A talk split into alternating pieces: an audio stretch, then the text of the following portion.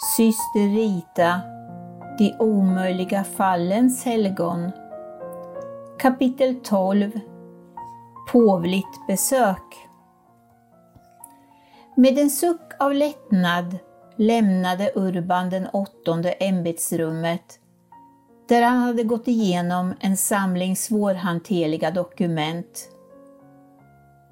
Sedan två år var han strängt upptagen med att undersöka omständigheterna kring alla så kallade helgon, mer eller mindre trovärdiga på grund av den vördnad som visades dem. Det fanns åtskilliga av dem, framförallt i Italien, där katolikerna delade ut helgonglorier lite hur som helst ofta med stöd från prästerna, som påverkade av sina föregångares exempel såg en ny Franciscus av Assisi eller en ny Katarina av Siena överallt. Helgonlegender kunde ibland framställas som föredömen, kvinnor och män, vars blotta existens gav anledning till tvivel. Det tog tid och det krävdes mycket eftertanke och hårt arbete för påven och hans medarbetare innan de kunde avsluta sina noggranna efterforskningar. Det var först då de kunde avgöra om det fanns anledning till att öppna en saligförklaringsprocess eller inte. Påven hade många uppgifter och ett sönderstyckat program. Dagens pappersarbete var avklarat och nu var det dags för den påvliga audiensen. Påven gick till den väldiga salen där han tog emot besökarna och lät släppa in den första personen på listan. Hans ansikte lystes upp av ett leende. Den första besökaren för dagen var nämligen Constanza Barberini. Ända tills han helt nyligen valdes till påve hade Urban den åttonde hetat Matteo Barberini, vilket han givetvis inte hade glömt bort. Brorsdottern hade visserligen kunnat anmäla sig utan att först ha skrivit in sig på besökslistan. Men djupt övertygad i sin katolska tro och samtidigt mycket pliktmedveten betraktade hon numera sin farbror endast som Jesu Kristi ställföreträdare. Och idag var det mer till påven än till sin farbror som hon vände sig. Efter att ha kysst påvens ring ombads Konstanza att säga vad hon hade på hjärtat. Både respektfullt och beslutsamt sa hon Helige Fader, eh, jag menar farbror Matteo. Jag vet att du håller på att undersöka om det finns nya helgon. Nå, vilket av alla så kallade helgon kommer hon att plädera för? undrade påven i sitt stilla sinne. Utan åtbörder uppmanade han henne att fortsätta. Farbror Matteo, för några år sedan läste jag om syster Rita som dog 1457 och vars dygder Påvens välvilliga, men på samma gång kritiska leende gjorde att hon stannade upp. Constanza Barberini bringades lite ur fattningen, men fortsatte efter en viss tvekan. Jag vet, farbror Matteo, att du uppmanar till största försiktighet när det gäller vördnaden av helgon men höga prelater inom kyrkan har hört talas om syster Rita och de underverk som tillskrivs henne. Hon verkar göra skäl för den vördnad som hon visas sedan mer än 150 år tillbaka. Din sekreterare, Monsignor Fausto Polli, har själv berättat mycket för mig om syster Rita. Urban den åttonde som dittills hade lyssnat lite förstrött på brorsdotterns pläderande började nu ägna större uppmärksamhet åt vad hon sa. Om hans sekreterare hade lagt sig i saken, då krävde ryktet om syster Ritas helighet en närmare undersökning. Och vem var denna syster Rita? En nunna i klostret Sankta Maria Magdalena som ligger i Kaskia, i ditt gamla biskopsstift Spoleto, farbror Matteo sa Konstanza med ängslig röst. Samtidigt var hon förhoppningsfull. Påven tänkte efter och försökte komma ihåg om han hade varit i Kaskia. Jo, han erinrade sig nu att han hade varit i Kaskia, en avsides belägen stad i bergen, som han hade besökt en gång för länge sedan. Han mindes det fattiga och karga området, där livet säkert var både hårt och tungt att bära för dess invånare. Och under sin snabba genomresa hade han faktiskt hört talas om syster Rita, nunnan med törntaggen, som hon kallades av ortsbefolkningen. Men de underverk som hade tillskrivits henne var kanske inte fler eller färre än de underverk som hade tillskrivits många andra.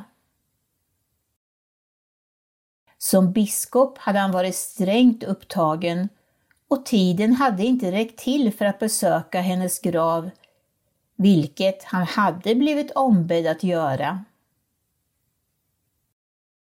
Han mindes inte om det var en grav eller ett relikskrin. Någon hade talat om en glaskista och det kom han plötsligt ihåg nu att kroppen hade bevarats intakt?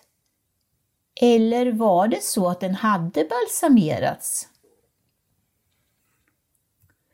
Påven var nu mycket intresserad och bad brorsdottern att komma tillbaka en annan dag tillsammans med Monsignor Polly och berätta mer om nunnan från Umbrien.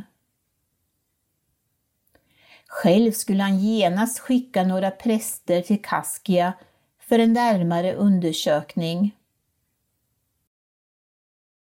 Med en nigning drog sig Constanza Barberini tillbaka, belåten med den vändning samtalet hade tagit. Utanför dörren stod nästa besökare och väntade på att få komma in till påven. Det tog två år för den påvliga kommissionen att gå igenom alla dokument, för det visade sig att fallet verkligen förtjänade en grundlig undersökning. Den påvliga delegationen från Rom, som leddes av Monsignor Pietro Colangeli, hade först och främst begett sig till Kaskia, där det i närvaro av läkare och ämbetsmän konstaterades att syster Ritas kropp hade bevarats på ett mirakulöst sätt i mer än 160 år. Och de hade känt väldoften som utgick från den. Sedan hade de gått igenom dokumenten om underverken som utförts omkring henne och studerat äldre skildringar av samma slag. Många hade också fått privata uppenbarelser när de bad framför altaret där syster Rita låg i sin glaskista. Efter att ha åkallat den helige Ande saligförklarade påven syster Rita 1628. Ceremonin äger rum den 22 maj på årsdagen av syster Ritas himmelska födelsedag. I den talrika församlingen var det många som på ett eller annat sätt hade blivit hjälpta när de bett om hennes förböner. Eller så var de släktingar till dem i nedstigande led. En del betraktade sig också som ättlingar till Ritas släktingar eller grannar. Med glädje hade de återupplevt gamla minnen som hade förts vidare från släktled till släktled och som nu hade skrivits ner till den saligförklarades ära. Syster Rita förlänade heder åt hela staden. De nuvarande nunnorna från klostret Sankta Maria Magdalena, som ledsagades av abbedissan Lucia Citadoni satt på de första raderna i kyrkan tillsammans med stadens mest ansedda personer. Invånarna från Roccaporena var också där. Var och en av dem härstammade mer eller mindre från familjerna Lotti och Mancini. Glaskistan med syster Ritas kropp intog hedersplatsen i kyrkan. Efter hymnerna, psalmerna och de liturgiska texterna kungjordes det påvliga beslutet som saligförklarade nunnan Rita Mancini, som dog 1457 med rykte om sig att vara helig. Därefter hölls en lång predikan i vilken syster Rita lovprisades.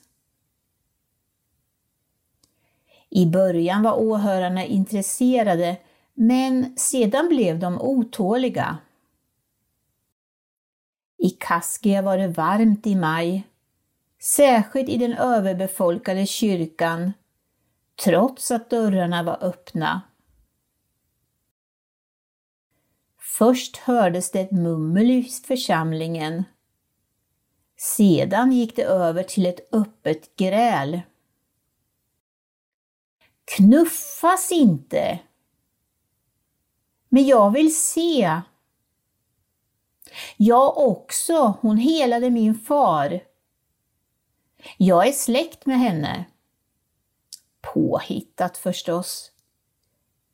I vilket fall som helst genom ingifte. Jag har men slutat knuffas. Grälet blev allt mer upphetsat. En man försvarade sin hustru och en annan knuffade fram sin bror så att han skulle kunna se bättre. Trots platsens helighet och stundens allvar uppstod ett bråk som löpte, löpte risk att urarta i slagsmål. Alla rörde på sig. Sedan blev allt mycket stilla. Predikanten stannade upp i, sin, i sitt lovtal över syster Rita. De som stod närmast glaskistan pekade uppskrämda på den. Sedan hördes på nytt ett mummel i bänkraderna, men nu av ett helt annat slag.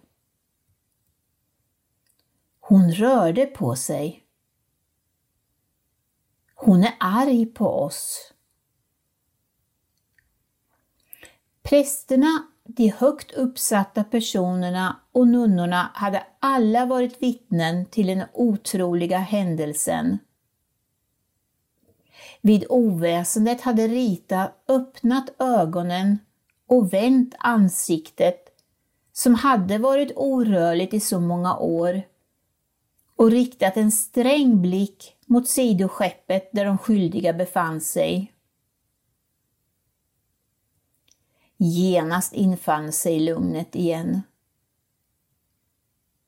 Ett nytt underverk hade inträffat, vilket skulle tas med i beräkningen vid den kommande helgonförklaringsprocessen.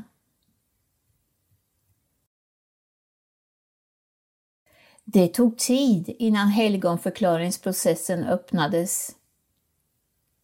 Innan dess skulle århundraden gå och många händelser inträffa. Krig och revolutioner skulle uppta människornas intresse och förändra världen. I början av 1900-talet var Leo den trettonde påve. Han hade hört talas om de underverk som utförts av syster Rita efter saligförklaringen. Bland annat hade kroppen rört sig på samma sätt som under ceremonin i kyrkan. Leo den trettonde läste alla dokument som handlade om henne och funderade därefter länge. Liksom sin föregångare Urban den åttonde ville han försäkra sig om att allt stod rätt till innan han gav efter för alla dem som önskade att hennes heligförklaringsprocess skulle öppnas. Undersökningar gjordes och resultatet fastställdes. Och bevis och motbevis lades fram i Vatikanen. Slutligen kunde heligförklaringsprocessen i egentlig mening öppnas med djävulens advokat som argumenterade mot och försvarsadvokaten som pläderade för. Det var kyrkans helighet som stod på spel. Därför var det viktigt med en samvetsgrann bedömning. På pingstdagen den 24 maj år 1900 kungjorde Leo den trettonde beslutet att nunnan från Kaskia hädanefter skulle vördas som helgon och hennes festdag infalla den 22 maj. Peterskyrkans klockor ringde för fullt. Kyrkan hade byggts om och nu var den försedd med en kupol. Rom såg helt annorlunda ut än på medeltiden. Renässansen hade satt sina spår, liksom 1800-talets arkitektur och drömmen om ett enat Italien. Rom var inte längre den stad de vallfärdande nunnorna från Umbrien hade kommit till vid tiden för jubileet 1450. År 1900 begav sig pilgrimerna till Peterskyrkan i hästdragna bussar eller vagnar. Vissa av dem kom körande i de första bilarna. Men pilgrimerna själva förblev detsamma. Där Rita en gång i tiden hade stått bakom en pelare och bevittnat Sankt Bernardino av Siennas helgonförklaring stod nu pilgrimer från hennes egna hemtrakter. De var lika nyfikna och förundrade som hon hade varit på den tiden. Inte bara italienska utan även katoliker från hela världen fanns på plats. Nunnan som förvisades till sin klostercell för att inte besvära medsystrarna med sin obehagliga lukt var nu föremål för en världsomfattad vördnad. Den korsfäste Kristus, vars lidanden hon med glädje hade delat, lät nu allmänheten få veta att hon delade hans härlighet. Altaret blänkte av allt guld och ljusgirlanger lyste upp kyrkan. Påven rörde sig sakta framåt, åtföljd av kardinaler och biskopar. Beslutet om helgonförklaringen lästes upp. Därefter sjöngs tacksägelsehymner och salmer. Undersköna stämmor, orgelmusik och klockklang fyllde Roms himmel. Ingenting var vackert nog för att hylla henne som alltid hade levt och verkat i skymundan för Gud och sina medmänniskor. Tusentals människor i den feststämda kyrkan och miljontals människor över hela världen kunde nu med tillförsikt säga Sankta Rita av Kaskia, bed för oss